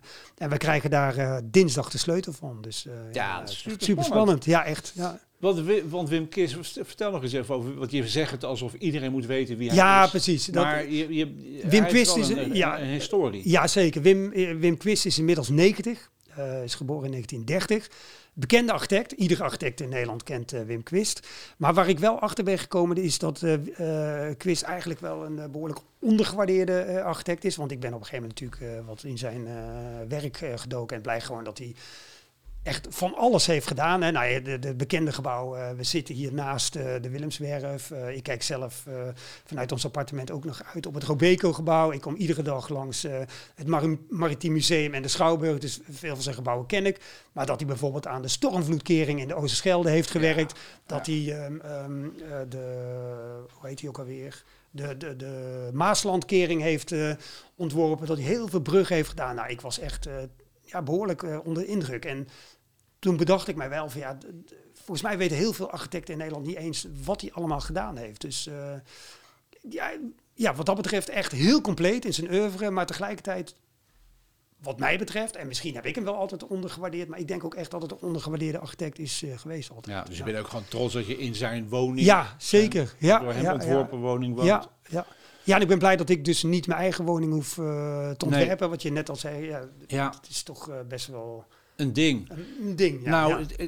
wij, Dep en ik zijn gaan wonen op Katendrecht. Ja. En, en, en, en uh, op de Walhallenlaan, dat, dat trok men in eerste instantie. Er was nog helemaal niks. Er stonden een paar, daar, daar verkochten ze kavels. Ja. En aanvankelijk wilde ik daar dus zelf een huis gaan bouwen. Ja. Ja, ik ben blij dat Debbie me tegen heeft gehouden, want ze was het nu nog aan het Ja. timmeren, denk ik. Ja, wat, wat trouwens Maar- ook wel heel fascinerend... Ja, sorry Marcel dat ik je in de reden val. Hè. We hebben dus nu een woning ge- ge- gekocht van eh, Wim Quist. En over, ja, het- is niet een woning die voor ons is eh, ontworpen. Sterker nog, hij is ontworpen voor een, eh, een echtpaar eh, wat de 80 eh, ruim was gepasseerd. Kun je nagaan. Nou ja, wij zitten ongeveer, nou, we zijn net over de helft ten opzichte van Er zitten allemaal IC-kamers in. Precies, nou ja, dat, de, die woning is wel ontworpen met een slaapkamer en een aparte badkamer voor een inwonende huishoudelijke hulp, weet je wel. Dus nou, die mensen waren op leeftijd en wat, wat slechter ter been.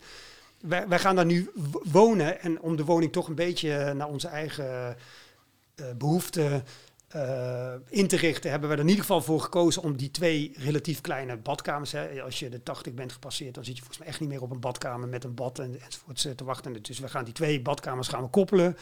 De keuken, daarvan hadden we ook het idee van, nou, dat is niet een keuken waar wij gewoon eh, eh, lekker in koken. Dus die gaan we ook vernieuwen. En zo gaan we toch de woning een klein beetje, maar echt minimaal eh, eh, eh, veranderen van een woning die ontworpen is voor een 80-plus echtpaar naar een, een stel van middelbare leeftijd.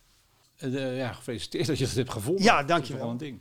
Hey, ehm, hey, hoe, in hoeverre vind je, is, is, architect, kan, er- is, is architectuur ja, levensverrijkend? Is, is misschien wat overdreven? Ja. Maar in hoeverre zou het misschien meer moeten bijdragen aan, aan, aan, aan, eh, aan levensbehoeften? Hoe, hoe, ik, vertel, ik zeg het een beetje Ja. Ik weet wat je bedoelt. En, en architectuur is in die zin ook Kijk, erg... het is zelfs met design. Ja, ja. ook wel, ja, het is een designstoel. Ja, ja, ja. alles is een designstoel, want het is allemaal ontworpen. ja, ja. Dus, dus, dus, dus elke woning is ook ontworpen. En ja, als je ziet dan woningen, dan denk je, ja, dat mensen hierin wonen. Ja, weet je wel, ja, ja, met ja. kleine raampjes. En wie heeft Ja. dat in godsnaam, welke architect heeft dit in godsnaam ja, ontworpen? ja. Maar hoe, hoe, hoe, hoe ga je daarmee om? Weet je wel, want Ja. dat je, dat je dat, dat eh, ja, gewoon een, een goed ontworpen gebouw ja, Mhm. ver- ver- verbetert je, eh, je, je Je- levenskwaliteit. Ja, zeker, eigenlijk. zeker, ja. Ja, als ik dat even... eh, En hoe, in hoeverre kan je daaraan, of kunnen jullie daaraan bijdragen? Ja. Of dragen jullie daaraan bij? Ja, ja. Nou, als ik het even vertaal naar de schaal van een woning, hè, eh, dan denk ik dat bijvoorbeeld in de woning is het heel belangrijk hoe eh, bijvoorbeeld daglicht eh, naar binnen valt. Hè. Je wordt 's morgens wakker en dan ga je ontbijten, et cetera, et cetera. Eh, hoe je door die woning beweegt. Hè.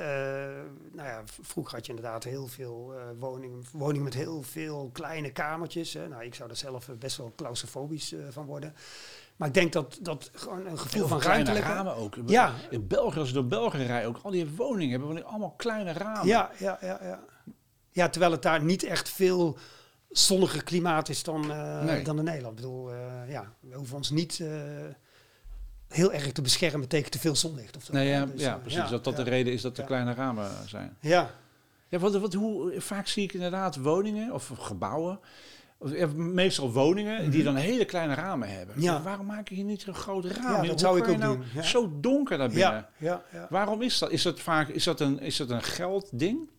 Is zijn grote ramen duurder dan steen bijvoorbeeld? Dat is een goede vraag. Ehm, Ik vraag me dat misschien in principe wel, maar volgens mij is het niet echt een geldding. Maar ik, ik, ik kan me voorstellen dat een, een grote tuinpui per definitie wat duurder is dan eh, datzelfde, eh, diezelfde gevel in baksteen. Baksteen eh, heb je ook in verschillende prijsklassen, maar heel veel baksteen is echt gewoon heel goedkoop. Dus misschien dat eh, dat budget toch eh, bepalend is. Maar dat, eh, wat je terecht zegt, dat bevordert niet het, het woongenot van, van zo'n Nee, ruimte, hè? weet je wel. Van de andere kant, en dat, dat is ook wel grappig, dat, dat, wat wij nu in onze bungalow hebben. We hebben ook niet hele grote tuinpuier of zo. Kijk, ik denk dat die eh 80, eh dat echtpaar van 80 plus ook niet echt de behoefte had om de tuinpui open te gooien. En, en, maar wat ik wel, we hebben wel grote ramen in die bungalow. En maar we hebben ook ramen die op het zuiden weer anders eh, eh, eh, georiënteerd zijn dan, eh, dan op het noorden bijvoorbeeld, weet je wel. Eh, Wim Quist heeft eh, deze woning ook speciaal, ook te meer omdat het eh, nou ja, kunstliefhebbers waren, dat, eh, dat echtpaar. Eh, echt die woning ontworpen eh, om hun kunst heen. En, en heeft ervoor gezorgd dat je eigenlijk ieder moment van de dag andere daglichtcondities hebt. En, en ik, nou ja, ik moet het nog ervaren, maar ik denk dat dat wel belangrijke dingen zijn die bijdragen aan, aan het genot. Hè?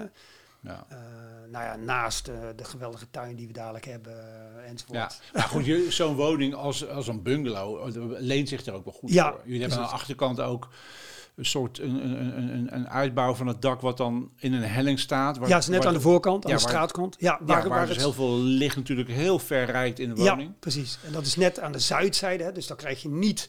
Want het is toch wat dat betreft een, een soort eh, spleet. Daar komt niet echt een he- hele grote hoeveelheid eh, Ja. eh, warm licht naar binnen. Maar het, het zorgt wel voor een hele mooie spreiding in de woonkamer.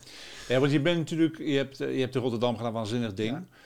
Eh, en, en misschien wel je, je, je tweede, en misschien wordt dat nog wel de nummer één van je, dat is natuurlijk de, het, het, het nieuwe stadion in Rotterdam. Van Feyenoord, ja. Eh, Heet dat ook het Feyenoordstadion Het, eigenlijk? het heet eh, volgens mij nu nog steeds, ook bij ons op kantoor, het Nieuw Stadion Feyenoord. Ja, Eh, dat is de naam die volgens mij ook door, Ja. eh, door Feyenoord zelf wordt gehanteerd. ja, Het is eh, nadrukkelijk geen eh, nieuwe Kuip of zo, hè, Nee, want er is maar één Kuip. ja. En de Kuip, en daar denk ik dat de meeste mensen het ook over eens zijn. eh, Ja. Vooral eh, gewoon de oude Kuip, dat is het mooiste stadion ter wereld. ja. uit 1936. totale voorloper op het gebied van stadionbouw. in eerste instantie gewoon echt gebouwd. een van de eerste grote stadions die puur gebouwd werd uh, voor, voor voetbal. Hè. Dus uh, je had in die tijd wel de grote uh, Olympische stadions, weet je wel. Maar de Kuip, dat was echt een stadion puur voor het voetbal. Met, met, met doorlopende ringen, tribunes die die uitkragen. Hè? Dus je zit niet achter pilaren te kijken, waardoor je net niet geen goed zicht hebt op.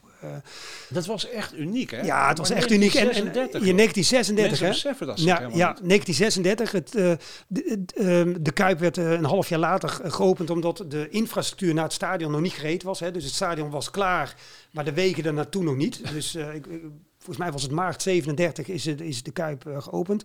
Ja, en het fascinerende is dat de Kuip gewoon het voorbeeld is geweest voor uh, Camp Nou in, uh, in Barcelona en um, Bernabeu in, in, in Madrid. Uh, onder andere, weet je wel. Uh, dus dat, ja, dat was echt... Uh, dat gebouw dat moet gewoon blijven staan. Dat moet blijven staan ja, en dat blijft in ons ontwerp ook ja. bestaan. Ja, hè? dus wij is onderdeel van het... het, het van een grotere gebiedsontwikkeling. Feyenoord City, dat is een naam die iemand bij Feyenoord destijds heeft bedacht. dus wij, wij zijn aanvankelijk gevraagd om het nieuwe stadion van Feyenoord te ontwerpen. Tegelijkertijd hebben we gewerkt aan die gebiedsontwikkeling waar de Kuip wordt teruggebracht in zijn oude glorie. Dus uh, nou ja, veel dingen die in de jaren negentig uh, zijn aangebracht met, met, ook met heel veel respect uh, voor het gebouw. Hè, maar ze hebben de, de, de, uitstraling van de Kuip wel veranderd, moet ik zeggen. Nou, de, überhaupt het nieuwe stadion is natuurlijk een heel omstreden project. Hè. Heel veel mensen willen nog steeds dat de Kuip gewoon gerenoveerd gaat worden.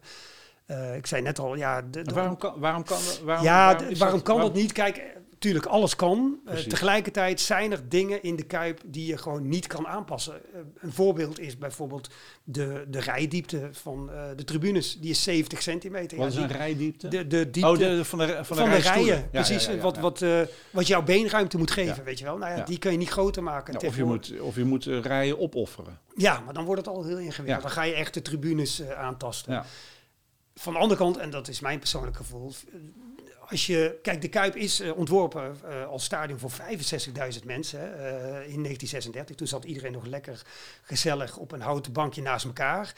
op dit moment is, als de Kuip is uitverkocht, dan zitten er 47.500 mensen. Dat heeft alles te maken met wat ik. mensen zitten nu op grotere stoelen. Mensen zijn ook groter. Mensen zijn groter geworden. vluchtwegen nemen wat meer plek in. Hè. Dus, dus veiligheid is echt wel een een belangrijker onderwerp dan in uh, 1936. En wij ontwerpen nu, hè, nu wil Feyenoord weer een, een, eh, een stadion bouwen voor 63.000 man. Dus eigenlijk nog minder dan in 1936. En als je de Kuip zou willen renoveren tot een stadion van uh, eh, 63.000 mensen, dan moet je daar een ring op plaatsen. Ja, nou Drie ringen heeft hij, geloof ik. Ja, inclusief de parterre. Dus de parterre, dat was vroeger... feitelijk heeft de, de, de Kuip twee ringen. En onder de eerste ring is ooit de parterre gebouwd. Daar was een sintelbaan omheen bedacht, waar ook wel eens atletiekwedstrijden gehouden werden. Dat was, was geen officiële atletiekbaan, uh, maar er moesten buiten voetbal om wel andere sporten gehouden kunnen worden. Dus vandaar dat er een sintelbaan, of in ieder geval een reservering is gemaakt buiten het veld. En later is die ruimte opgevuld door de parterre, waar de, de, laten we zeggen, de, de meest fanatieke supporters rond het stadion zitten dat is ook eigenlijk een beetje gegroeid omdat de parterre qua zichtlijnen, nou ja, eh, objectief gezien uh, gewoon ronduit slecht is. Hè. Je, in de stadionwereld uh, beginnen goede zichtlijnen bij, bij een C-waarde van 90 mm. Dat betekent dat je, als je achter iemand zit, dat je daar makkelijk op, overheen kan kijken. Nou, dat is bij de parterre niet het geval. dus ja, qua zichtlijnen voldoet de Kuip ook niet helemaal aan de laatste uh, eisen. Um, ja. Ja, je loopt, je loopt gewoon. Uh, en dat zal in de, loop der jaren alleen nog maar moeilijker Strenger worden. worden, precies. Dus, ja, dus, ja, ja. Um, want hoe, ga, hoe, ga, hoe, hoe, zou dan de, de Kuip ge, gebruikt gaan worden, denk je? Nou, de, uh, de oude Kuip dus. We hebben natuurlijk goed nagedacht wat een tweede, of tweede leven, wat een nieuw leven voor de Kuip uh, zou zijn. Um, uh, de gemeente is natuurlijk uit, uh, uitvoerig betrokken in al onze planvorming. En uh, de atletiekbaan, die oorspronkelijk was bedacht op Varkenoord, hè, dat is aan de andere kant van de Koenmerlijnweg. Daarvan heeft op een gegeven moment de gemeente aan ons gevraagd van joh, als het eh, jullie eh, ja, business case heet dat officieel helpt, dan zijn wij bereid om het atletiekprogramma wat wij bedacht hebben op Varkenoord, om dat naar de Kuip te verplaatsen. En dat kan omdat als je een atletiekbaan plant in de Kuip, dan, moet je hem, eh, ja, dan moeten er wat aanpassingen gedaan worden. Dan kan je ook geen voetbalveld meer eh, daar houden, maar kan je wel eh, een atletiekprogramma in de, in de Kuip kwijt. Nou, naast dat atletiekprogramma is het, komen er uiteraard eh, horecavoorzieningen.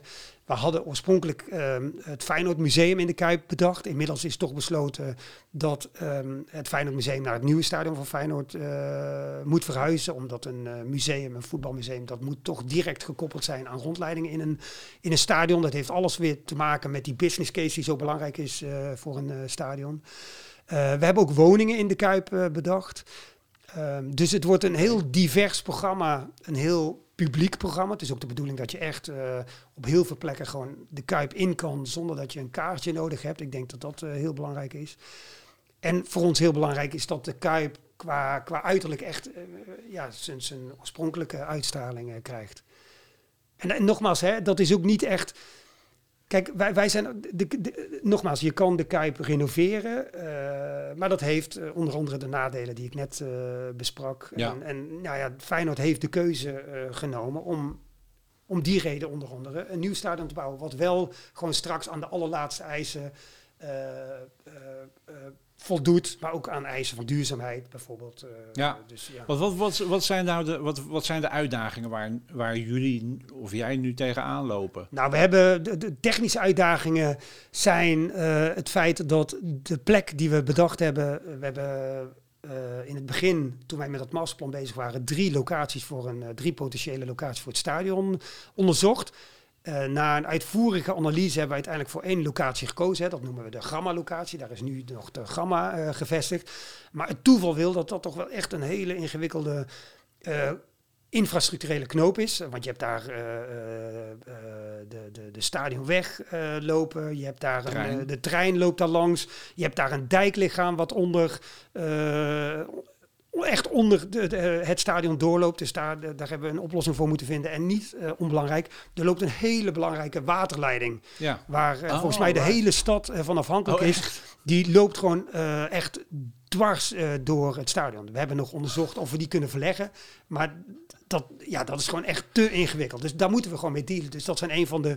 Zo. Dat dan zijn echt wel de dus gewoon omheen gaan Daar bouwen. moeten we echt omheen Je kan je bouwen. niet even afsluiten of bijpassen. Nee, nee, nee. Dus wij moeten ervoor zorgen dat Evides ten alle tijde bij die waterleiding moet kunnen. Dus daar moet je rekening mee houden op eh, nou, onder andere het straatniveau.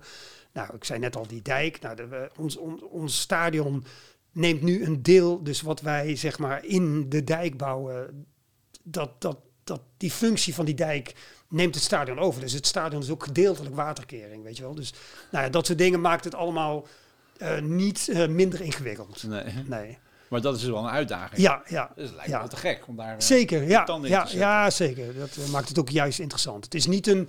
eh, Ik bedoel, stel nou dat we, of stel nou dat Feyenoord had besloten om een eh, nieuw stadion à la Bayern München ergens in eh, de polder te bouwen, dan was dat natuurlijk veel makkelijker geweest. Dan, Ja. dan, dan kies je gewoon een plek die daar uitermate voor geschikt is.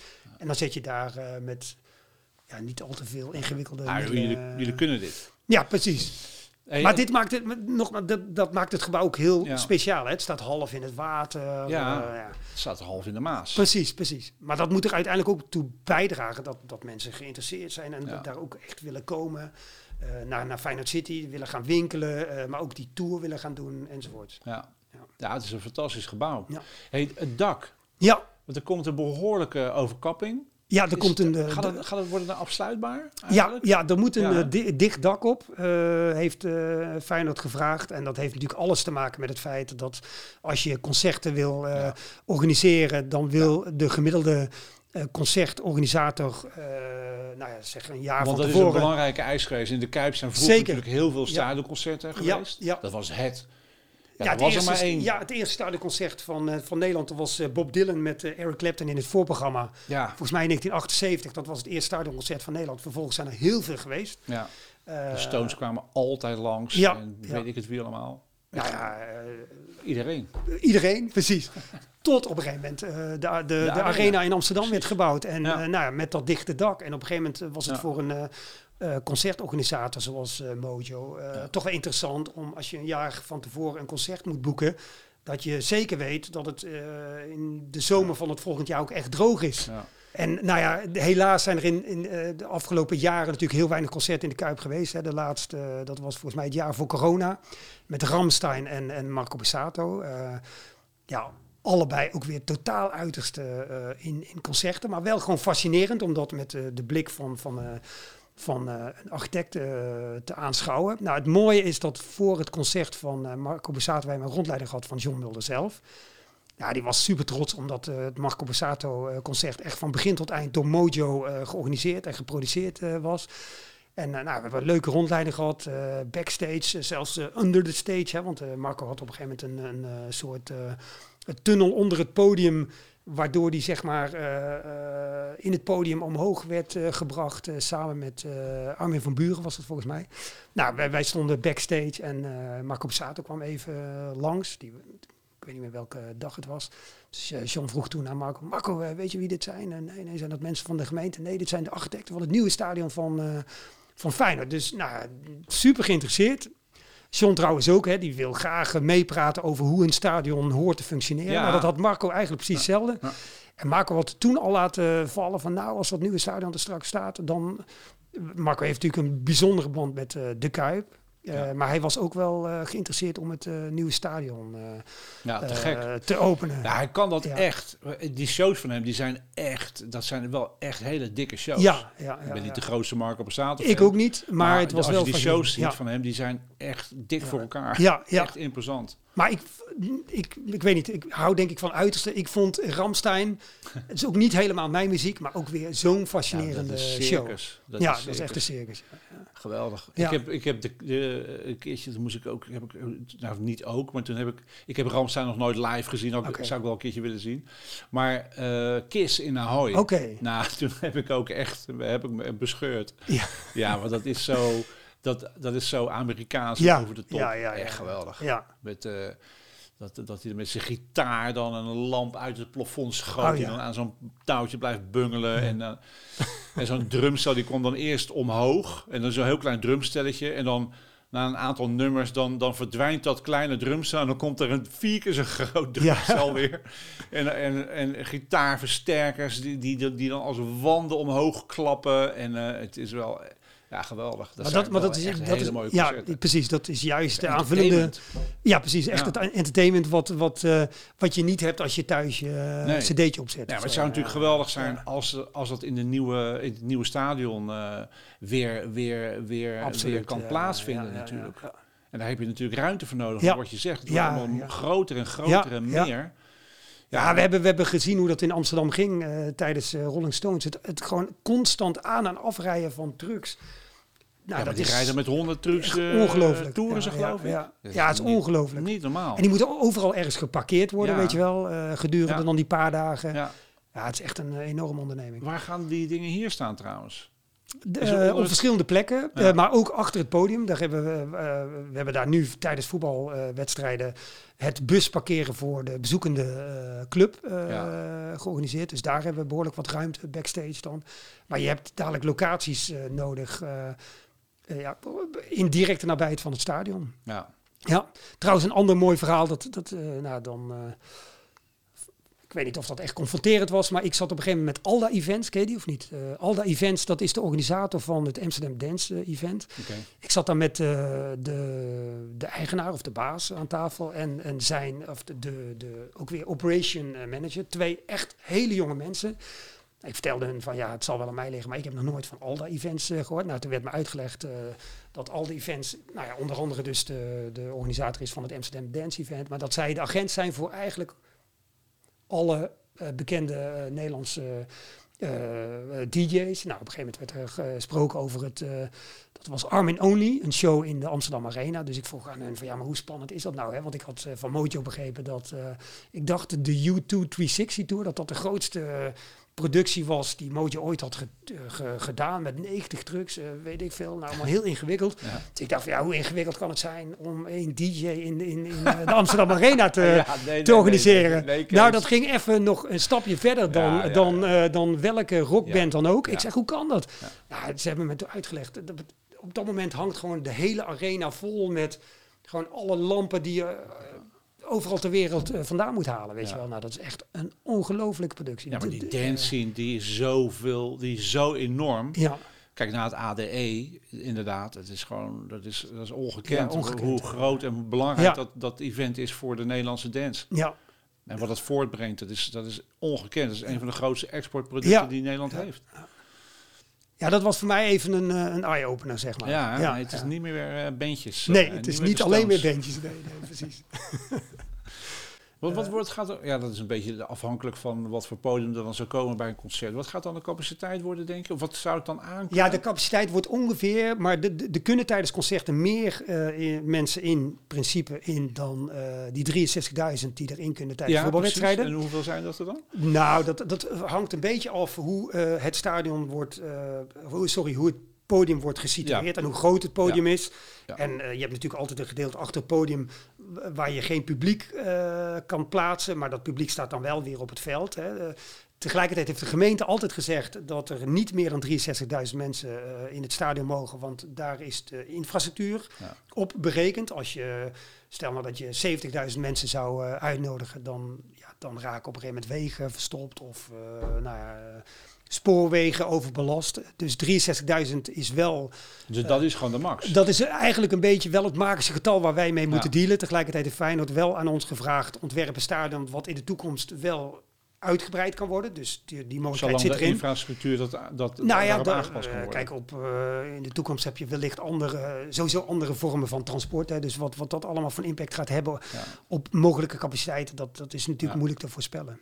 Maar jij, jij begon over die... eh, dat, Ja, over dat, het dak. Ja, nou, je, ja, precies. Je begon over het dak, je begon over de concerten. Ja. Ehm, wat, wat wel, wel mooi is, eh, en dat hebben we ook overgenomen uit de huidige eh, Kuip, is dat wij natuurlijk het publiek zo dicht mogelijk op het veld hebben weten te projecteren.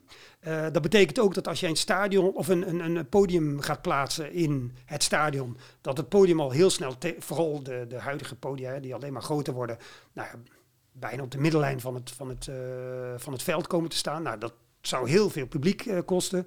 Dus het, het, het, nou ja, wat wij in, in, in de nieuwe stadion van Feyenoord hebben gedaan, is het gedeelte achter het podium. Dus we, hebben, we zijn ervan uitgegaan dat de meeste eh, concerten, eh, de meeste situaties, eh, eh, de meeste concerten die georganiseerd worden, het podium aan de zuidkant hebben. Daar waar, waar die in de praktijk ook het vaakst heeft gestaan in, in de Kuip. Je kan ook nog andere configuraties bedenken, maar het, aan de zuidkant kan een groot deel, of eigenlijk de, de hele eerste ring kan weggenomen worden, waardoor het, eh, het podium als het ware de eerste ring in beslag neemt. Dus dat betekent dat je een veel groter eh, eh, veld overhoudt, waardoor je weer meer mensen een veldkaartje kunt verkopen enzovoorts. Dus dat, dat hebben we gedaan. En wat we ook hebben gedaan, en dat heeft ook alles te maken met het opbouwen van p- podia, is dat alle hoeken zijn in feite open te maken, waardoor kranen en vrachtauto's het veld op kunnen rijden. Nou, wat iedereen eh, mooi vindt aan de Kuip, dat zijn die continue eh, tribunes, hè, die ononderbroken tribunes. Nou, dat hebben wij ook eh, willen doorzetten hè, tot, tot, tot de laatste snik. En omwille daarvan zijn die hoeken ook weer te openen. Dus voor concerten gaan er aan de noordzijde twee hele grote publiekstoegangen open. Eh, alle vier de hoeken van het, eh, van het eh, veld gaan open. Dat heeft ook met vluchtwegen te maken. En die hele zuidzijde waar het podium moet komen, kan, kan weggenomen worden. Dat, dat is één belangrijke innovatie, vind ik, die wij in de Kuip Ja. hebben verwerkt. Je begon zelf over het, het dak. Ja. Nou ja, wat, wat altijd een beetje een dilemma is bij, bij, bij voetbalstadions, is dat je idealerwijs toch wil voetballen nou ja, bij, daglicht. Dus eh, nou, het was in het begin natuurlijk al duidelijk dat we, als we een dak gaan maken, dat het dak Een licht moest transparant echt wel een licht. Ja. precies een transparant dak. Nou ja, dat is eh, ook weer gelet op brandveiligheid en, en op eh, ja, gewicht. Is dat eigenlijk per definitie geen glazen dak. Hè. Dat wordt al snel een polycarbonaat, een, een kunststof dak. Nou, polycarbonaat heeft de vervelende eigenschap dat het er hartstikke geluid reflecterend is. Dat draagt niet echt bij aan de akoestiek van een stadion. Nou, we kennen een beetje de, de reputatie van, van het stadion in, in Amsterdam. Dat hebben wij willen voorkomen. We hebben altijd geroepen, dit moet het beste multifunctioneel stadion worden. In ieder geval in, in de buurt. Wij willen heel graag wat dat betreft concurreren met de, de, de stadions in de buurt. En het, het, het grappige is dat wij... wat, wat zijn dan goede stadions wat, wat jullie betreft als het, als het daarom gaat om een reflectie? Nou, de, de echte stadions met een dicht dak, uh, met, met goed geluid bestaan gewoon nog nee, niet. Daar worden ze uh, niet op gebouwd. Nee, precies. Kijk, de, de ideale concertsituatie is gewoon een, een, een gesloten doos, als het ware. De Ziggo Dome bijvoorbeeld. Ja. Hè, dat zijn hoe heet het, gebouwen die speciaal voor popmuziek in dit geval ontworpen worden. Nou ja, ja dat is bij uh, voetbalstadions is dat niet het geval. Nou, dat uh, transparante dak helpt ook niet mee. Nou, het, het, grappige is dat wij in dat hele ontwerpproces hebben natuurlijk heel veel met vers verschillende uh, gebruikers hè, die straks uh, uh, het nieuwe stadion moeten gaan gebruiken, gesproken. We hebben veel met Mojo aan tafel gezeten, met andere concertorganisatoren aan tafel gezeten. En we zijn een keer in de Amsterdam Arena geweest tijdens het opbouwen van, het, van het Rolling Stones concert. En daar zijn wij, daar hebben we een, de geluidtechnicus uh, ontmoet die veel voor Mojo werkt, maar ook heel veel voor andere concerten in Nederland uh, werkzaam is. En, uh, nou, is dat, zijn, dat is Peter van der Geer van ja. Event Acoustics. ja, ik heb van hem begrepen dat hij zo'n beetje bij ieder festival, bij ieder concert, vooral nou ja, bij festivals en, en, en stadionconcerten betrokken wordt om toch die akoestiek, uh, laten we zeggen, zo goed mogelijk te maken, acceptabel. Nou, wij hebben altijd geroepen, wij willen ook gewoon goede akoestiek niet alleen bij voetbalconcerten, want de, de akoestiek voor voetbalconcerten, of sorry, de akoestiek in de huidige Kuip tijdens voetbalconcerten is ook, uh, nou ja, de, fenomenaal, maar ook uh, uh, bekend. Hè. de bezoekende club wordt altijd ja, bijna angstig van, ja. van, van, het, van de orkaan van geluid ja. die op het veld ja. reflecteert. Ja, dat is echt waanzinnig. Ja, en, en wat wij van Peter van der Geer hebben geleerd is dat akoestiek, akoestiek bij, want dat waren wij natuurlijk altijd bang voor. We willen die akoestiek van de Kuip uh, benaderen. Hè. Gewoon echt die, dat, dat geweld, uh, dat, die, dat, die orkaan van geluid op dat veld uh, kunnen produceren. En tegelijkertijd wil je goede akoestiek tijdens uh, popconcerten. Nou, ik was er altijd bang voor dat dat elkaar zou bijten. Dat het of het een of het ander is. Nou, Peter van der Geer heeft uitgelegd dat het niet zo is. Dat het bij voetbalakoestiek heel vaak gaat om de hoge tonen die gereflecteerd moeten worden. En dat het bij popconcerten juist de lage tonen zijn die geabsorbeerd moeten worden. Nou, en voor om die lage tonen te, te, te, absorberen, hebben we samen met Peter en samen met Sabiek, dat is een leverancier die volgens mij uh, 99% van de transparante stadiondaken ter wereld heeft uh, geproduceerd, hebben we een polycarbonaatplaat uh, uh, ontworpen, bedacht met microperforaties, die er straks voor moet zorgen dat, ondanks dat we een, uh, een transparant dak hebben, toch echt een goede akoestiek hebben. Dus uh, nou ja, dat belooft wat. Ja, ja. mooie woorden. Ja, mooie woorden. Ik ben heel benieuwd. Ja. Hey, fantastisch man. Hey, heb je, zijn er, ja, dit is een uitdaging van je welste, denk ik. Ja, Toch? Zeker, zeker. Uh, niet alledaags. Ja, nou, en het is ook weer, uh, dat is ook een beetje uh, misschien wel kenmerkend als je voor een bureau als OMA werkt. Hè. Het zijn altijd langlopende projecten. we hebben net ook weer het derde definitief ontwerp afgerond. Maar ik ben er alweer sinds eind 2015 mee bezig. Kan je nagaan hè, hoe lang zo. Ja. maar het verveelt geen dag. Nee, dus, Want hoe lang, hoe lang tot de bouw eigenlijk nog? Nou, het, het, het, op dit moment is de planning dat we volgend jaar gaan bouwen. Zo, dus, ja. ja dat is nog redelijk snel. Ja, dat is nog redelijk snel. En in uh, het, seizoen, en dan moet ik het goed zeggen... Volgens mij is dat half 25, dus dat is dan het seizoen 25, 26. Ik hoop dat ik het goed zeg. Dat er geen uh, luisteraars uh, nu in paniek raken. maar da dan moet het stadion geopend worden. Kijk, en bij stadions is het ook, uh, dan gaat het om, uh, je, je opent tussen twee seizoenen. Je gaat niet halverwege het jaar of uh, we kunnen nog een maandje of wat uitstellen, dan openen we gewoon iets later. Zo werkt dat niet. Hè? Dus het is gewoon dit jaar of dit seizoen of het andere seizoen. Dus ja. het gaat dan meteen om een jaar. Ja, ja. ja. Hey, fantastisch. En heb je nog, zijn, er nog, zijn er nog dingen in, jouw in, in jouw loopbaan eh, die je echt nog zou willen doen? Dus, dus, dus eh, zo van, ja, ik heb het grootste gebouw in Nederland. Eh, een stadion. Ja. dat, zijn, dat zijn nogal Het zijn grote dingen, zijn, complexe zijn dingen. grote ja, dingen. Ja, Is, is er nog iets waar, waar, waar je nog van droomt ja. aan te mogen en te willen werken? Nou, wat een beetje mijn... Waar ik een beetje tegenaan hik... En eh, dat is ook weer denk ik persoonlijk. Wat, wat mij fascineert in projecten is eh, gewoon het hele traject meemaken. Dus van het begin tot het einde. Ja, Ik vind het jammer om bijvoorbeeld alleen in een ontwerptraject eh, betrokken te zijn en dan het project los te laten. Nou ja, als je aan grote projecten werkt en als je alle processen of alle fasen interessant vindt, dan ben je automatisch heel lang met projecten bezig. Ik heb bij de Rotterdam had ik het idee van ja, dit was eh, mooi, maar nooit meer. Hè, want je bent gewoon te lang met een project bezig. Dat, nou, in die valkuil ben ik nu op, opnieuw gestapt. Hè. Ik werk nu alweer inmiddels al lange tijd. En, jaar en, en ik wil ja. toch weer eh, dit project afmaken tot het einde. Dus ik denk dat waar ik van droom is na de Kuip, of eh, na het nieuwe stadion van Feyenoord, dat ik dan toch weer, eh, nou, in ieder geval voor een tijdje aan, aan, aan veel kleinere projecten ga werken. En, eh, Liftknopjes. liftknopjes, ja, dat ik echt weer met hele kleine dingetjes eh, Ja. me kan bezighouden. Leuk. Ja, hey, geweldig.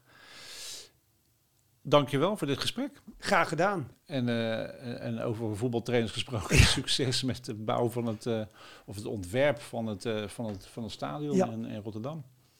Dankjewel. Geen dank. hey, ik zie je.